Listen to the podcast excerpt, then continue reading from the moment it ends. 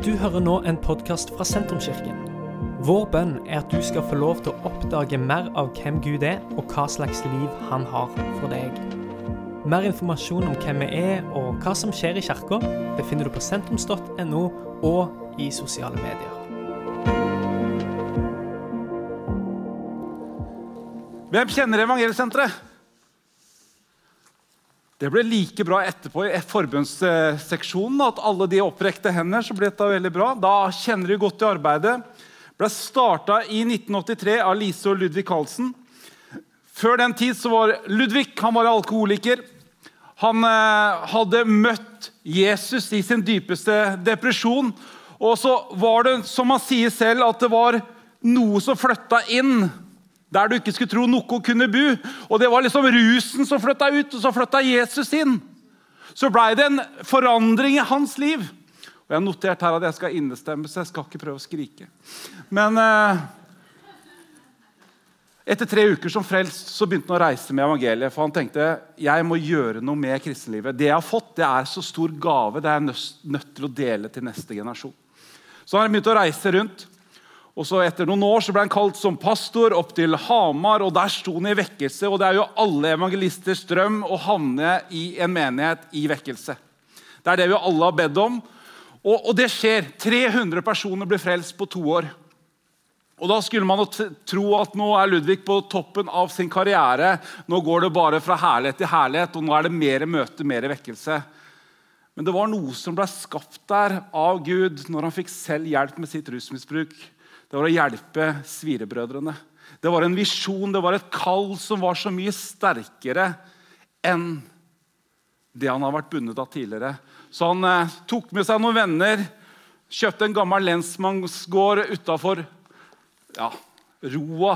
Jeg vet ikke om dere vet hvor det er engang. Det er midt i landet. Det er Innlandets fylke. liksom. Der, der, ja, der, skulle man virkelig ikke tro at noen ville bo. Der flytta og starta det første evangelsenteret i 1983. Og nå, 40 år senere, så har flere tusen mennesker fått et helt nytt liv. Vi har sett eh, barn som har fått igjen sine foreldre. Vi har sett foreldre som eh, har fått igjen sine barn. Og Det er så fantastisk å se hvordan mennesker bare blir reist opp gjennom dette arbeidet. Og Dere som kirke dere lener inn, dere ønsker å være en del av arbeidet. Og Jeg er så takknemlig for at jeg får lov til å være her og snakke litt om Evangeliesenteret og litt om budskapet som jeg fikk av Per Eivind. Og det er å snakke om glede, så da skal vi se neste. Og lang lydighet. Og jeg tenkte, jeg sa til kona jeg skal preke om lang lydighet. Ja, det trenger du, sa hun. Ja, men jeg har fått et budskap, og det er om glede. Ja, det kan du alltid få mer av, altså. så det var liksom glad for det. da. Men eh, jeg kjenner at eh, da fylles vår munn med latter, så jeg tok ut dette flotte bildet. For i sommer så var jeg i England i liksom eh, i de grønne engers land i Lake District. og Da så jeg disse sauene, og jeg tenkte dette ga meg glede. Å gå rundt på et eng og spise gress. Og jeg fyltes med latter. Fantastisk. Vi leser verset, disse versene som det står om her i dag. Og da Neste slide er en sang ved festreisende. Da Herren vendte skjebnen for Sion, var det som en drøm for oss. Da fyltes vår munn med latter vår tunge med jubel. Da sa de blant folkene, stort er det som Herren har gjort mot dem. Ja, stort er det som Herren gjorde mot oss, og vi ble glade. Herre vendte vår skjebne som bekkene i Negev. De som sår med tårer, skal høste med jubel. Gråtende går de ut og bærer sitt såkorn. Med jubel kommer tilbake og bærer sine kornbånd. Jeg må ha notater, vet du. Da fylles vår munn med latter. Vi kjenner at det er godt å være til. Lydighet er hemmeligheten til glede. Jeg tror Det er der kampen noen ganger står i forhold til i fall mitt liv. Eh, I går så kom jeg til Sandnes, og jeg tenkte nå skal jeg eh, gjøre Sandnes utrygg. Jeg skal prøve være et spisested, jeg skal innom være en butikk i Sandnes. Og jeg skal holde på å kose meg ordentlig. Men så tenkte jeg jeg må forberede talen ferdig først. Så jeg la bort det jeg tenkte jeg skulle gjøre, så satte jeg meg ned på hotellrommet og så begynte jeg å søke Gud. Begynte jeg å notere. Og så hadde ene timen etter andre gått, og så kjente jeg bare Oi! Å være, være der i lydighet, det er den største gleden jeg hadde i går kveld. Jeg satte bort det kroppen min hadde veldig lyst til. Og så gjorde jeg det som var fornuftig. Jeg visste en lydighet overfor det budskapet jeg skulle komme med i dag.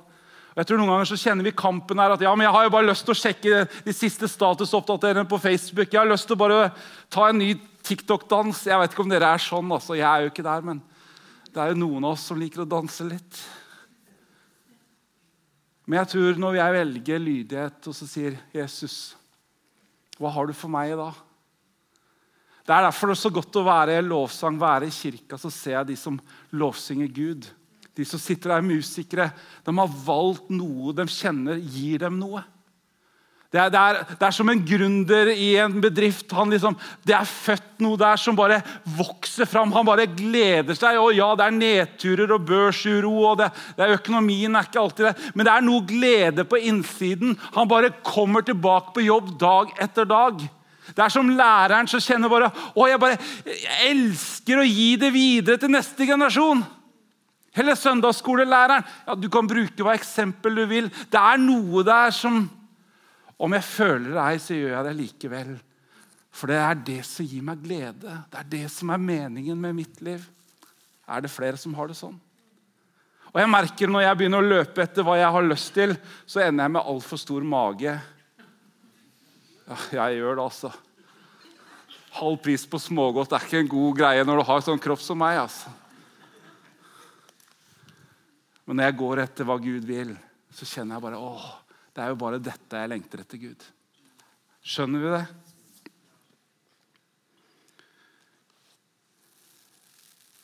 Bilde fire. Evangeliesenteret har en visjon som heter at ennå er det håp. Det er alltid håp for mennesker. Det er alltid håp selv hvor ting ser mørkest ut, så er det håp hos Gud. Og så står det i Romerne 15, 13, Nå må håpets Gud fylle dere med all glede og fred i troen, så dere kan være rik på håpet ved Den hellige ånds kraft. Og så er det visjonen til Evangeliesenteret. Oppsøke, hjelpe og rehabilitere. Vi har 21 kontaktsenter rundt omkring over hele landet. Vi deler ut over 1000 tonn mat hvert år til rusavhengige. Og vi ser mennesker hver uke tar en avgjørelse og sier at 'jeg vil ha det som dere har'. Jeg vil kobles på det dere har. For uh, noen år siden så har jeg en god kompis. Han har jobba i næringslivet i mange år. og Så var han uh, godt frelst i oppveksten, og så skjedde det noe. Så han sklei vekk fra Gud, og så kom han på landsstevnet til evangeliesenteret. Og så Etter at han har vært der et par dager og gått rundt og sett på alle som gikk rundt og smilte, så var nyfrelst og liksom kjente på gleden på innsida, da, så kom han bort til meg og sa han, han Gud som jeg forkasta i ungdommen, kan du be for meg på, André? Jeg vil ha det, jeg også. Ja, Hvorfor vil du ha det? Altså? Jeg måtte sette den litt på valg der og da. Det er, jo, det er jo farlig å begynne der, men jeg kjente jeg måtte legge den litt på valg. Ja, Men dere har en glede som ikke så full lommebok noen gang kan fylle opp. Dere har en glede som ikke rus kan fylle opp. Dere har en glede der som jeg hele tida har prøvd å jagd etter der ute. Og det er det jeg vil ha. Det smilet. Og jeg ser jo rundt meg sånn Dere ser jo slitne ut, hele gjengen. Om dere har hatt rusbakgrunn eller ikke. Men det er noe på innsida som bare veller fram. Det er en glede på innsiden. Og så måtte jeg si ja, men det er jo gleden i Herren. For den er ikke bygd opp i for våre omstendigheter. Men vi kjenner at det er noe der inne som bare bobler opp. For det er liksom Å ja, det, det er fred, det er, ukri, det er krig og det er ufred, det er vanskeligheter. Ja, vi er klar over det. La oss ikke fornekte sannheten. Men Herren vår Gud er vår frelser. Vi har det beste i vente. Og en dag så skal han ta oss hjem, så da kan vi midt i det som er vanskelig kan vi sette vårt håp, vår liv, til Herren og kjenne at å, gleden i deg, Gud, det er det som betyr alt. Ikke hva lommeboka sier. Er vi på bilde fire? Det er fem, da, sikkert. Hva skal vi si til dette? Er Gud for oss, hvem er da imot oss? Han som ikke sparte sin egen sønn, men ga han for oss alle. Kan han gjøre noe annet enn å gi oss alt sammen med han? Romerne 8, 31 og 32. Hva skal vi si? Er Gud for oss? Hvem er da imot oss? Siste Jesus sa før han dro hjem til og var sammen med Gud der I denne verden vil dere ha motstand, men fatt mot. Jeg har overvunnet verden. Fatt mot. Jesus ga seg selv for at jeg og du skulle bli funnet av ham. Han trengte det ikke, men han gjorde det av så stor, høy kjærlighet til oss. Og jeg tenker at Denne søndagen, denne formiddagen skal vi ha vårt blikk og vårt fokus opp til Gud. Gud, hva er det du har for oss? Jesus, nå legger vi alle disse tankene og at eh, det er kumlemiddag når jeg kommer hjem i kveld. og Alle disse andre tinga som fenger oss. Og så kan vi bare si, 'Jesus, snakk til meg denne formiddagen.' La meg bli mer kjent med deg. Og Du ser, Herre, at det er ufred der og det er ufred der, men Jesus, jeg velger å sette mitt liv i dine hender. For når du er for meg, hvem kan da være imot meg? Det er ingenting som gir mer glede enn å være der Jesus vil ha deg. Vandre sammen med han. Går det greit? Jeg skriker ikke mye. Ja, det, det går greit. Åh, jeg aner jo ikke, vet du, Det er noen ganger jeg blir så ivrig så jeg kan skrike til, så kona sier det er fint det du sier, men hvorfor må du skrike så fælt? Det er ikke lett, altså. Jeg har en sønn, han er 21 eh, år, og jeg har fått mye sjelesorg pga. han. Ikke for at han er slem, eller sånt, men han har flytta hjemmefra som 18-åring. og Det er ganske tøft for en far. Iallfall når du bare har ett barn og han flytter hjemmefra. Men når han var en sånn liten krabat, fire-fem år, så, så, var vi på et sånt svært konferanse som dette her. og Det var sånn fin, svær preikestol som dette her. Og jeg satt som en god pinsevenn. Jeg var på bakerste benk og observerte alt som skjedde. Og så er det jo dette med barn noen ganger at de har ikke sånn møtekondis. og De går sine egne veier. og Han løpte fram og var foran plattforma der. Så, så var det en som sto og preka så veldig. Halvard Hasseløy. Jeg vet ikke om noen har hørt om han. det er liksom, Han er nesten mer ivrig enn Thomas Netland. Altså. Det er, det er liksom, han er neste nivå der. Og han var helt overivrig.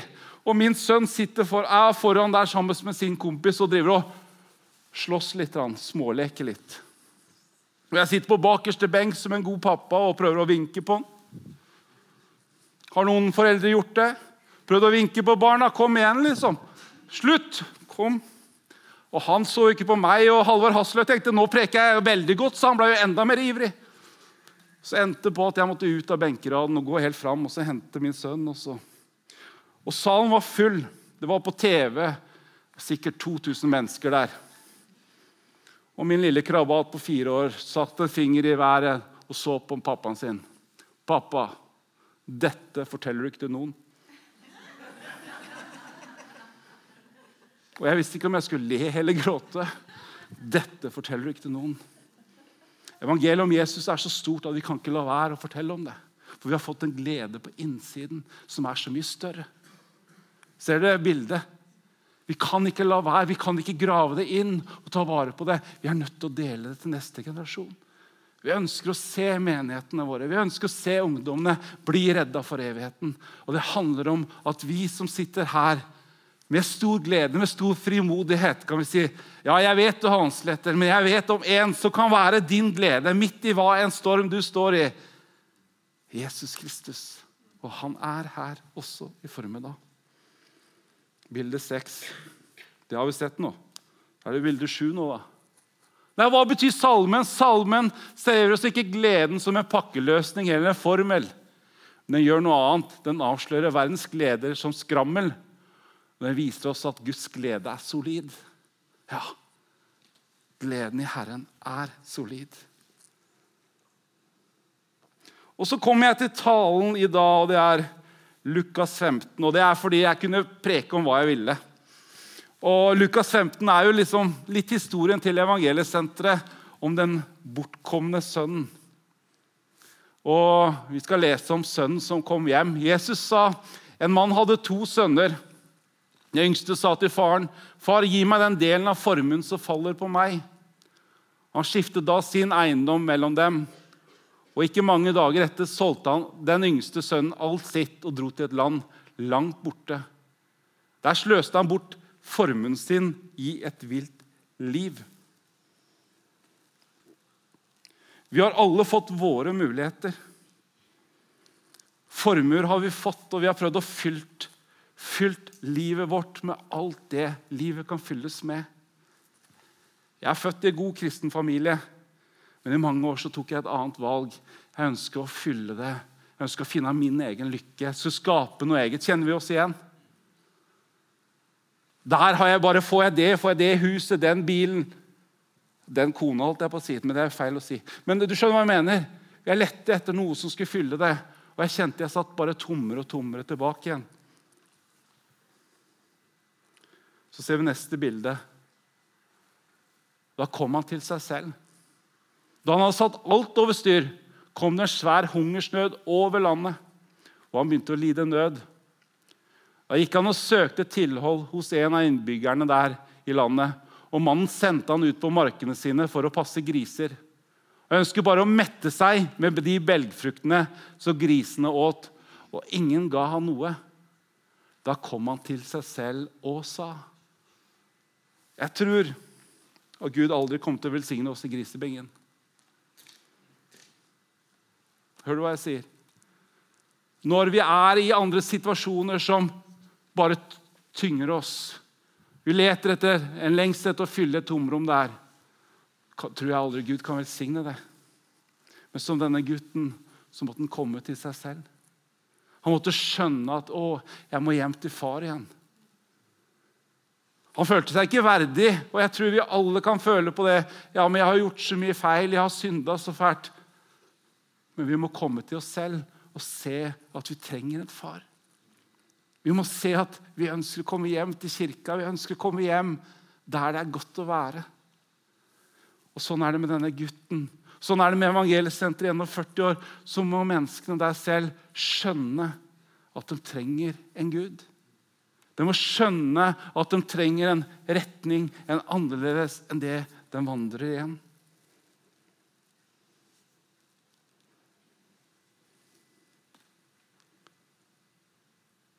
Men valget er vårt. Hva er det vi velger? Bilde 10. Vi fortjener det ikke. Da han ennå var langt borte, fikk faren se han, og han fikk inderlig medfølelse med han. Han løp sønnen i møte, kastet seg om halsen på han og kysset han. Sønnen sa, 'Far, jeg har syndet mot himmelen og mot deg.' 'Jeg fortjener ikke lenger å være sønnen.' Vi fortjener ikke frihet, vi fortjener ikke en nytt liv. Men så får vi det av nåde allikevel. Vi fortjener ikke at vi skal få nye sjanser gang på gang. Og I Evangeliesenteret har vi sett det, at de har stått og så falt, stått og falt. Men så gir vi en ny sjanse. og Derfor vi heter 'Ennå er det håp'. Det er aldri oppgitt for Gud. Og jeg tror det gjelder oss hver og en av oss. Ja, det kan hende du har synda masse. Selv om jeg står her i vest og fin skjorte i dag, så, så har jeg også synda masse. Men så fikk jeg nåde hos en nådefull far, hos en god Gud som kjente når jeg kom til meg selv og sa, 'Gud, jeg trenger at du møter meg.' Og så er det så godt med far. Han står ikke der om du skjerper deg først. Først må du gå på alfakurs, og så må du vaske av deg alt det gærne. Nei, han står der med åpne armer og sier, 'Sønnen min, dattera mi, kom hjem.' Kom hjem igjen. Og så kjenner vi, når vi kommer hjem til far, så kjenner vi, kan, du, kan jeg være her likevel? Er det flere enn meg som har det sånn? Ja. Han står der med åpne armer og gir oss en ny sjanse. Evangeliesenteret handler om det på kontaktsentrene. Så står ikke Merete, som er leder her i Stavanger, Sandnes og Jørpeland. Nå står det ikke med pekefinger. Ja, Ole, jeg så du var ute på byen i går. Så at du tok stoff der. og du, du, får ikke mat i dag, du får ikke hjelp i dag. Nei, Merete står ikke der sånn. Hun står med åpne armer. 'Gutten min, jenta mi, så godt å se deg.' 'Er du skitten?' 'Ja, Og du har fillete klær. Vent, skal jeg gå og hente noe klær til deg? Har du ikke spist i hele helga? Men vent, vi har noe her. Vil du ikke prøve nytt? Vil du ikke prøve å komme inn på evangeliesenteret? Har du ikke lyst til å få en forandring på livet ditt? Og jeg tror Det er det Gud kaller oss til også, å bøye oss ned i stedet for å stå på oversida og se ned på mennesker. For vi tror vi alle og enhver er klar over våre begrensninger. Vi er klar over når vi synder. Jeg er iallfall kjempeklar over det. Men når vi som kristne kan ha en annen ånd, og så I stedet for at vi ser ned på dem, så kan vi bøye oss ned og si 'Gutten min, jenta mi, så godt å se deg'. Jeg har fått noe, jeg har fått en glede på innsida. Har du lyst til å bli med i sentrum nå på søndagen? Det er, det, det er noe der vi kan lene oss inn. Og så er det jo det at Fint at vi drar det med i kirka, på søndag, men kanskje vi skal gjøre dette med naboer og venner rundt oss. og Det utfordrer meg veldig, for hjemmet mitt er mitt hjem. Men jeg kjenner Gud drar også i meg, og jeg tror det er kanskje flere som kjenner seg igjen. Kanskje jeg skal invitere hjemmet mitt og så si Kan du bruke det, Gud? Så må du la meg invitere med naboer inn. Det er kanskje ikke sånn her på Vestlandet, men på Østlandet er det veldig sånn. Min borg, liksom, mitt hjem. Liksom, der alt skal beskyttes. Kan vi ikke heller bli en annerledes ånd i oss, for vi har fått Jesus på innsida? Så kan vi invitere folk inn i våre liv. Og da ser de både oppturer og nedturer. Litt som ungdomslederen sa i stad. Når vi er sammen med mennesker over lang tid, så ser de noe mer enn det vi viser på søndag formiddag klokka tolv. Ja, jeg skal ikke la noen rekke opp hender for det. Efeserne 2 handler om nåde er du frelst ved tro. Det bygger ikke på gjerninger for at ingen skal rose seg. Vi har ikke fått det til hver og en av oss. Vi har fått det av nåde ved tro handler om en gave. Vi fortjener ikke, men vi får lov til å være barn av en stor far. Neste bilde. Men faren sa til tjeneren sine, 'Skynd dere! Finn fram de fineste klærne og ta på han.' 'Gi han ring på fingeren og sko på føttene.' 'Hent gjøkalven og slakt den, så vi kan spise og holde fest.' 'For denne sønnen min er død og har blitt levende.' Han var kommet bort og er funnet igjen. Og så begynte festen og gleden. Og så, og så, er det så fint at det står at han fikk ring også. Jeg har jo ikke giftering engang, men jeg, liksom, jeg, jeg, skjønner jo den gangen der så betydde det noe spesielt at han fikk en ring. Det betydde at ikke han var hvem som helst. Han så for seg å være en tjener. Men så fikk han ikke tjenerkappa. Han fikk identitet som en sønn. Ser du det? Så alle tjenerne så når han kom han har ringen. Han er det arvingen. Og det er det jeg og du har blitt. Nå skriker jeg igjen. Fille. Vi har blitt arvinger av Gud. Når vi sa 'Jesus, jeg ønsker at du skal flytte inn', så får vi en ny kappe, vi får noen nye klær, vi får nye sko på føttene våre. Det er ikke vi som er i grisebingen lenger, det er ikke vi som er fast i vår synd. Men vi er reist opp med Kristus i Gud. Og så er vi som var regna utenfor, som hedninger også. Vi var jo ikke jøder heller. Vi var regna utenfor. Vi blei båret inn i det aller helligste sammen med Gud. Og dette er kanonspråk, altså, men dere skjønner hva jeg mener. Du er sønn og datter av en himmelsk far. Han ser ikke synden din, han ser ikke skammen din, han ser ikke alle de dumme valga. Han ønsker å være pappaen din, så inviter deg inn akkurat der du er. Akkurat med de klærne du har, akkurat med den synden din. Og Er du her i dag som ikke kjenner denne guden, eller du føler at du har kommet litt på avstand, så er det gode nyheter. Jesus er her, han har lyst til å være med hjem til deg. Så når du går ut av kirka, da, så kan du si, 'Jesus, må du være med meg hjem.' 'Jesus, må du kle på meg et sant bilde av hvem jeg er i deg, Jesus.' Og Det er den Jesus vi ønsker å formidle. Og når vi skjønner Jesus flytter inn på innsida, så er det en glede som blir synlig på utsida. Da er det ikke det, det tunge, vanskelige ansiktet. Men da kjenner vi at vi, vi blir snudd alt fra mørke til lys. Skal vi se neste bilde. Det er på et av våre kontaktsentre i Oslo. Under pandemien sto de i kø opptil tre kvarter for å få mat. Det deles ut mellom fem og seks tonn mat hver åpningsdag tre dager i uka. Par og 60 frivillige som jobber der, og det er halvannen stilling som er ansatt. Og De deler ut mat i hopetall til trengende i Oslo som lever på gata, lever i det nederste av det nederste. Og du aner ikke gleden på et menneske som ikke har noen ting, som ikke har spist på flere dager, når den får den kjøttkaka i hånda. Når den får den klemmen, kanskje. Og En av guttene som kom inn til oss, han hadde fått, ut, han hadde fått hiv gjennom en blodoverføring. og Han var livredd for å smitte noen, så han, han hadde ikke fysisk kontakt på sju år med mennesker. Så fort han så mennesker, så stakk han unna, for han ville ikke smitte noe. Han var livredd for å smitte mennesker. Og så fikk han lurt seg inn til kontaktsenteret i Oslo, for han, eh, han var sulten. Han hadde ikke spist på mange dager. Og Der var det en av hans gamle venner som sto der og jobba frivillig, som hadde selv vært en rusavhengig. Selv hatt hiv. Og Han sto der og så så han. 'Steinar, er det deg?' Og, og, og, og, Steinar som så på han og tenkte ja, men jeg er hiv, hold deg på avstand, jeg er urein, jeg er ikke verdig, jeg er ikke bra nok. Han var den bortkomne sønnen, han var den som var holdt på utsida. Han kjente liksom Men hvorfor roper han mitt navn? Ja, hiv, hold deg unna! Jeg bryr meg ikke om hiv, sa han som sto der. Jeg har det selv. Så han Steinar i møte og ga han en god klem. Jesus elsker deg. Du er dyrebar.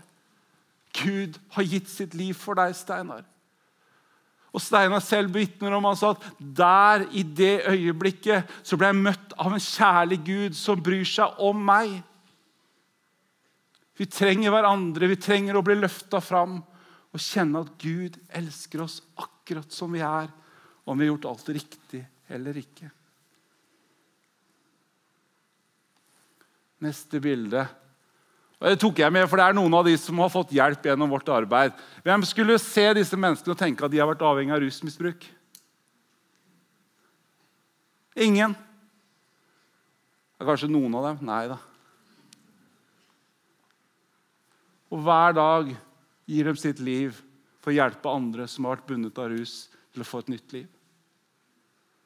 Fordi de har møtt en kjærlig far som ikke står med pekefingeren hun står og kler dem med en ny drakt, ring på fingeren og sa de er verdifulle, høyt elska. Så er neste bilde. Pekefinger dreper gleden. Men straks denne sønnen kom hjem, han som sløste bort pengene dine sammen med horer, da slaktet du gjøkalven for han. Faren sa til han, 'Barnet mitt, du er alltid hos meg, alt mitt er ditt.' Men nå må vi holde fest og være glade, for denne broren din som er død, er blitt levende. Han som var kommet bort, er funnet igjen. Og Jeg tror vi som kristne er kalt til å ikke vise pekefinger. Vi er kalt til å ikke se på alle omstendigheter eller skrive det på Facebook. Det er sett veldig populært blant mange kristne. har jeg sett. Alt som er gærent i verden. Å drive pekefingerevangelisering det er ikke bra. altså. Det dreper gleden, det dreper frimodigheten. Vi er kalt til å rekke ut en hånd til det som er der ute. Så kan vi fylle det med glede og peke en vei inn. Og Denne sønnen han skjønte ikke at han hadde alt. Den sønnen som var igjen, han var veldig opptatt av alt det gale de andre hadde gjort. Han ville holde den lillebroren på avstand. Vet du ikke, pappa, hva han har drevet med? liksom? Grisebinge, prostituert, ha, ha, ordentlig skitten. Du kan ikke ha han inn i huset igjen. liksom. Som pekefingerkristendom. Og så sier pappa noe, og det samme pappa sier noe også i formiddag. Du er høyt elska. Du er dyrebar. Du er verdifull. Du var utenfor. Jeg ønsker å ha deg nær. Så jeg har litt tid igjen. Jeg hadde en jeg bodde i Holmestrand i mange år. Jeg bor i Tønsberg i dag. Det er en litt finere by. Der er Thomas Netland og preker i dag i en av menighetene jeg går i til vanlig. Men eh, nå bor jeg i Tønsberg, det er liksom Norges eldste og fineste by. som jeg pleier å si. Men jeg bodde i Holmestrand. Den er ikke så gammel og ikke så veldig fin egentlig heller. Men der hadde jeg en kompis han jobba på Rema 1000. og På Østlandet så har vi det sånn at vi har sånn private shoppere på Rema 1000. Har vi det her på Vestlandet? Nei? Nei han, han, når jeg kom inn på butikken, så så så han på meg og sa han, Vigard, ja, du er ute på handelstur igjen. I dag må du huske å kjøpe melk. Det er eh, tilbud på Jaffa-appelsiner fra Israel. og det, det er, Nå må du huske å kjøpe det og huske å kjøpe det. Og jeg, ja, jeg nikka og var fornøyd og ble med han på handletur rundt på Rema 1000. Tenkte Han må jo være butikksjef, men så var han jo frukt- og grønnsaksansvarlig. så han var jo ikke noe sånn høyt oppe i rangstigen engang. Han var min private shopper hver gang jeg var på Rema 1000 i Holmestrand. Og jeg, En gang så kom jeg der, jeg hadde skulle, Kona hadde sendt meg gårde. Du skal kjøpe sal og dopapir, for vi mangler både sal og dopapir. Og Jeg hadde tatt sal og dopapir, og så kom jeg til kassa og så sånn på meg. Må ikke kjøpe dopapir denne uken, eh, Vigard, Sånn. Hvorfor ikke, se? Nei, det er posesalg neste uke, han. Og jeg tenkte, ja, ja, men da får jeg gå og sette dopapiret tilbake. Kona lurte på meg var det gæren jeg kom tilbake. Men han hadde jo sagt det, så jeg tenkte han hadde jo kontroll. Men for å spole litt fram, så en dag så kjente jeg at det banka litt ekstra på innsida. Så jeg gikk bort til han og sa jeg har lyst til å si et par ting til deg. Se. En, jeg er ikke gæren. Tenkte det var greit å begynne der. Så så på meg. Nei, Vigard, jeg veit at ikke du er gæren. Du er jo ganske hyggelig. sånn. To, jeg er pinsevenn. Da, da var det ødelagt, det første jeg sa. Da hadde jo han dømt meg allerede, liksom. Men så sa jeg men jeg kjenner Jesus. Og da så han på meg, og så tenkte han ja, så flott for deg, Vigart. Og Jesus er her akkurat nå, på Rema. Se. Og han sier du er dyrebar. Han sier at du er verdifull. Han sier at du er høyt elska. Jeg vet ikke hva du står i, sa jeg til ham. Men du har en pappa i himmelen som ser deg akkurat som du er. Og han elsker deg ubetinga. Og så 'Tusen takk', sa han. Er jeg verdifull? Ja, sa jeg. Og så løpte jeg ut av butikken, for jeg er ikke så frimodig som jeg ser ut til innimellom. Og jeg tenkte nå skal jeg begynne å handle på en annen butikk. Det er liksom Meny eller et eller annet, men det var veldig dyrt. Så jeg begynte liksom, så jeg kjørte jo forbi Rema, så jeg måtte innom igjen. For jeg var litt nysgjerrig, og det enkle er ofte det beste, som reklame sier. Så jeg kjørte innom Rema igjen. Så kom Trond bort til meg, som han heter, så så han på meg. 'Tusen takk, Vigardsson. Ja, for hva da, se? Det du ikke visste, sa jeg, den morgenen der så leverte jeg mine to barn i barnehagen. Kona mi hadde flytta ut. Jeg sa at er dette livet, så orker jeg ikke være med på dette lenger. Jeg følte meg ikke verdifull, jeg følte meg ikke dyrebar, jeg følte meg ikke høyt elska. Jeg følte at alt som jeg hadde bygd opp i livet, rakna den morgenen. Så kommer du inn og så sier at Gud elsker meg.